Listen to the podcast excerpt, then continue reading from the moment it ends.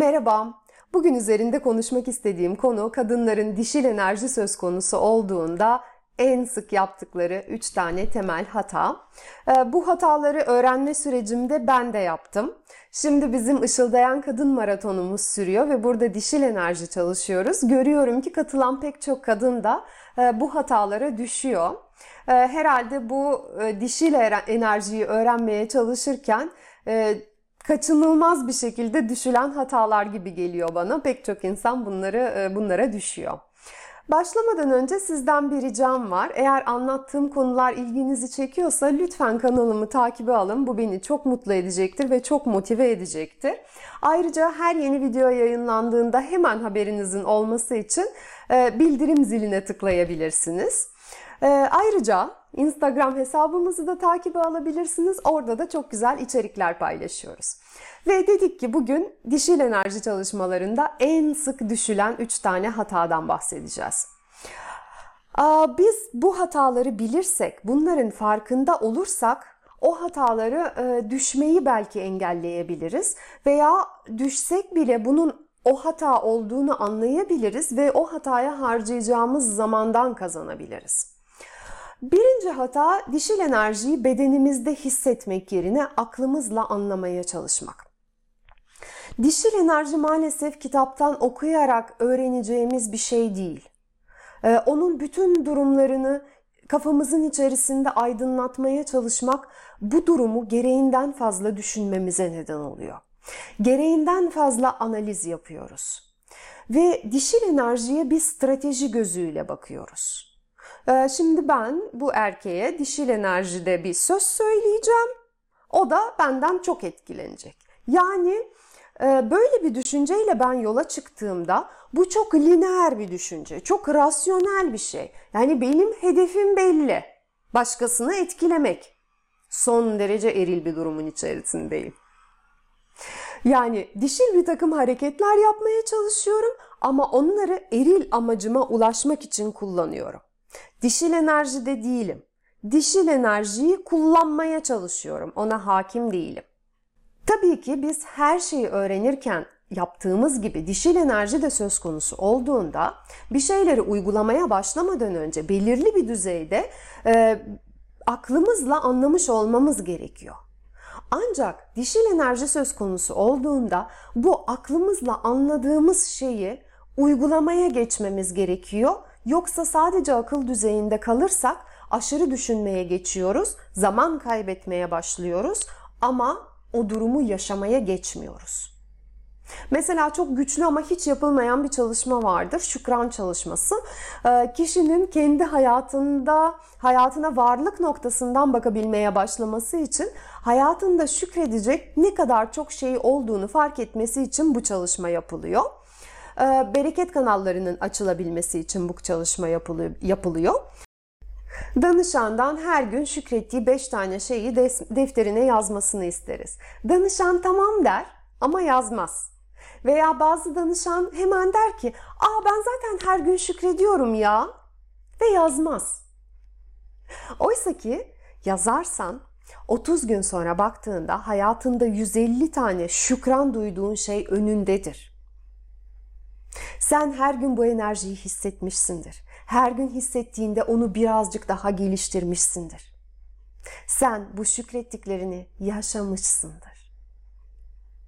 Yani şükür çalışmasının çok iyi bir şey olduğunu bilen ve bu enerjide 30 gün belirli bir sürede olsa kalan kişi arasında fark vardır ve bu fark sözle anlatılamaz.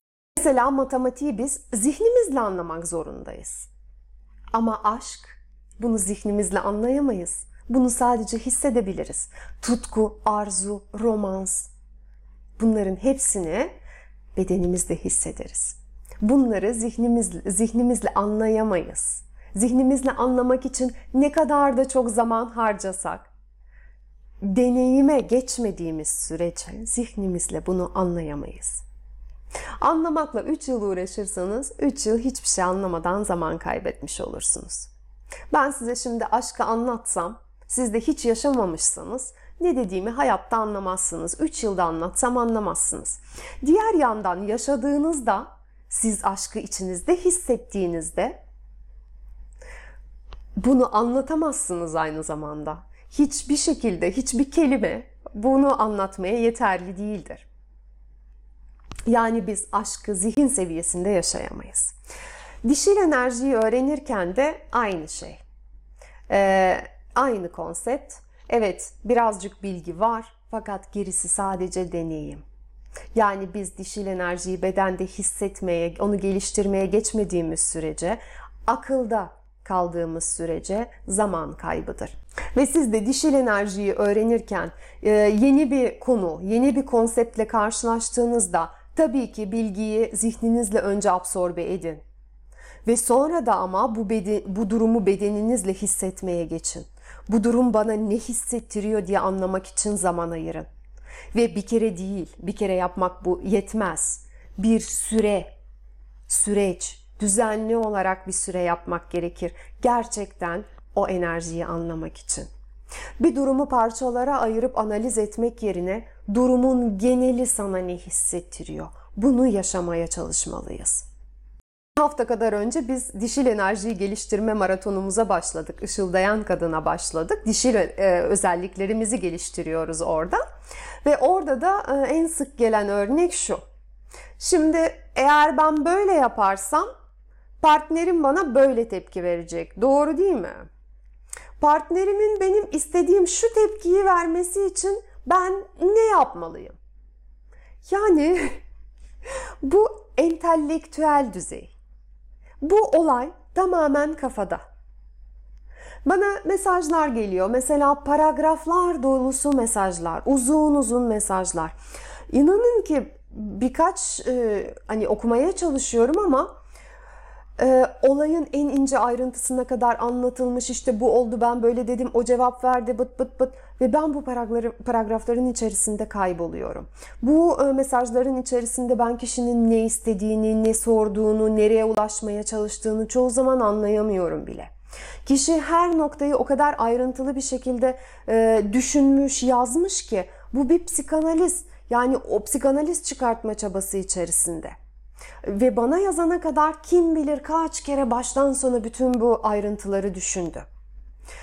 Aa, bu aşırı düşünme.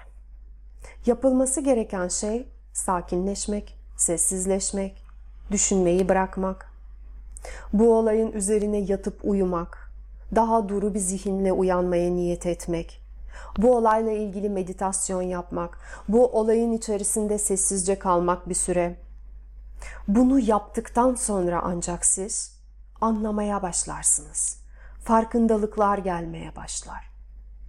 Ama bütün bunlar zihinde olmaz.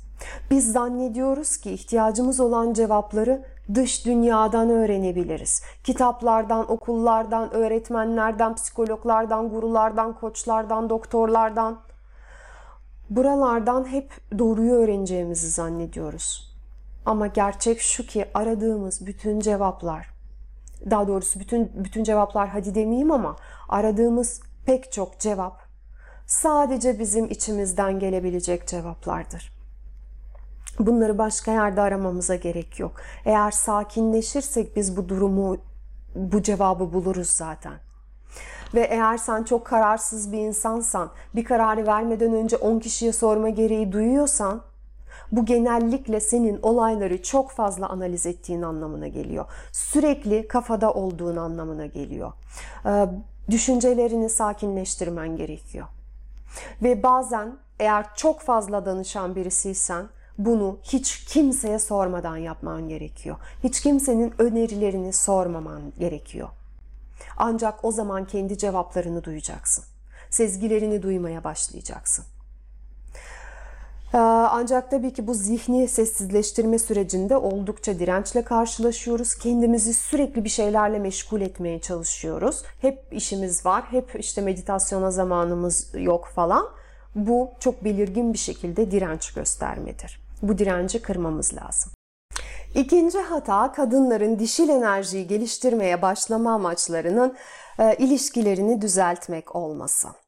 Bu istekte aslında yanlış bir şey yok. Tabii ki biz eğer hayatımızda bizi tatmin etmeyen bir alan varsa o tarafı geliştirmek istememiz son derece doğal. Ama farkında olmamız gerekiyor ki dişil enerji geliştirirken hayatımızdaki her alanı geliştirmeliyiz. Biz e, geliştikçe bizim hayatımızdaki hiçbir şey aynı kalmaz ilişkimizde. Ee, insanların bizim hakkımızda ne düşüneceklerine biz kesinlikle müdahale edemeyiz. Bu düşünceleri belirleyemeyiz. Fakat ilişkilerimizdeki dinamikleri biz oluşturuyoruz. Bizim enerjimiz evrenin bize nasıl davranacağını belirliyor. Yani benim enerjim patronumun bana nasıl davranacağını, ebeveynlerimin, kardeşlerimin, e, arkadaşlarımın, bütün bu insanların bana nasıl davranacaklarını benim enerjim belirliyor. Ben sadece erkek arkadaşımla ilişkimi e, düzeltmeyi hedeflediğimde e, şöyle bir olay oluşuyor. Hmm, ben şimdi şunları şunları öğrendim. Şunları yapınca dişil oluyormuşum. Ben şimdi dişil olacağım. Ona öyle davranacağım. Bakalım ne olacak. Gidiyorum bunları yapıyorum.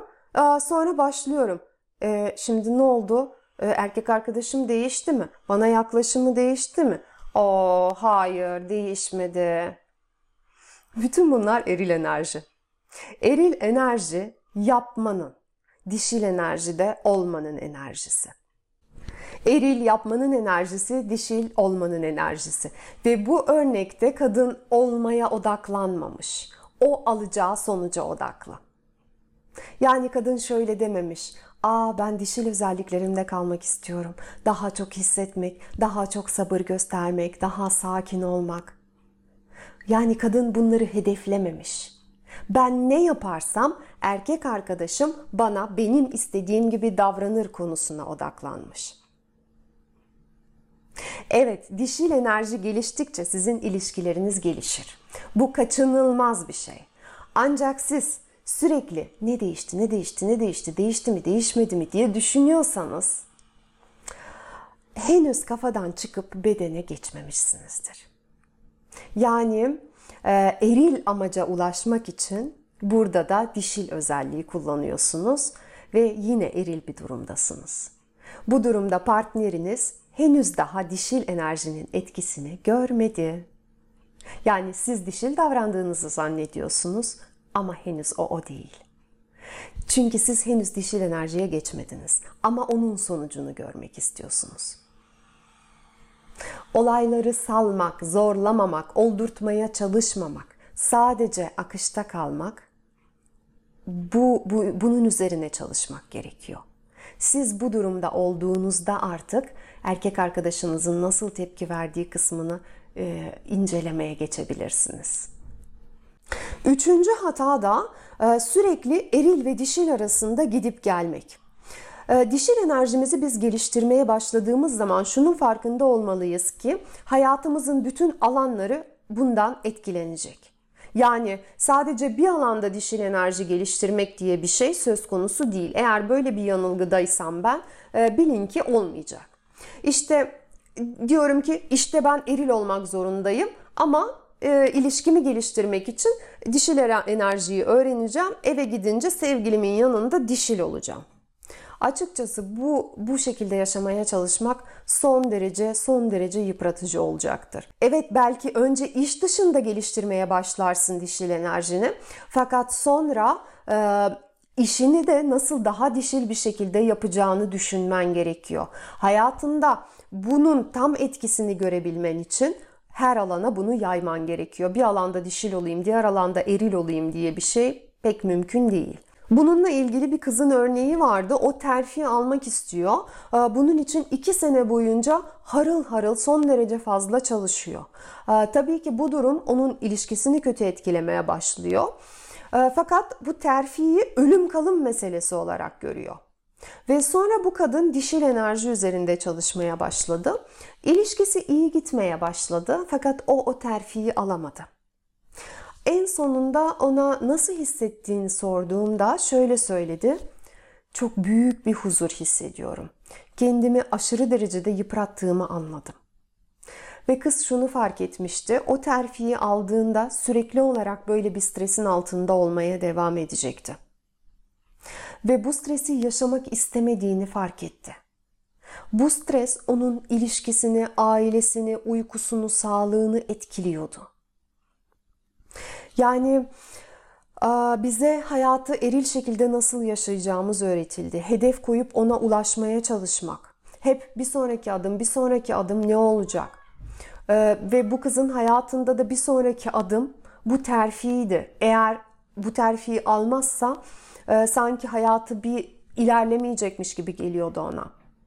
Fakat bir yandan da bu kadar büyük bir iş sorumluluğunu istemiyordu. Fakat bildiği tek yol buydu. E, hedef koyup ilerlemek kariyer yolunda. Dolayısıyla çatışma içine girmişti kendi kafasının içerisinde. Evet, terfiyi alamadı fakat büyük bir huzura kavuştu. Ve biz de ne istediğimizi bildiğimizde, neye ne kadar zaman ayırmak istediğimizi bildiğimizde, tutkularımızı işin içine kattığımızda, gerçek isteklerimizle bağlantı içerisinde olduğumuzda hayatımızdaki olaylar çok daha rahat bir şekilde ilerler. Ve fırsatları zorlamaya gerek yoktur. Fırsatlar bu akışın içerisindedir. Fırsatı yakalamak için çok yıpratıcı bir çaba gerekmez. Özellikle kadın fırsatı çok üstün bir çabayla yakalamaz. Kadın fırsatı akıştayken yakalar.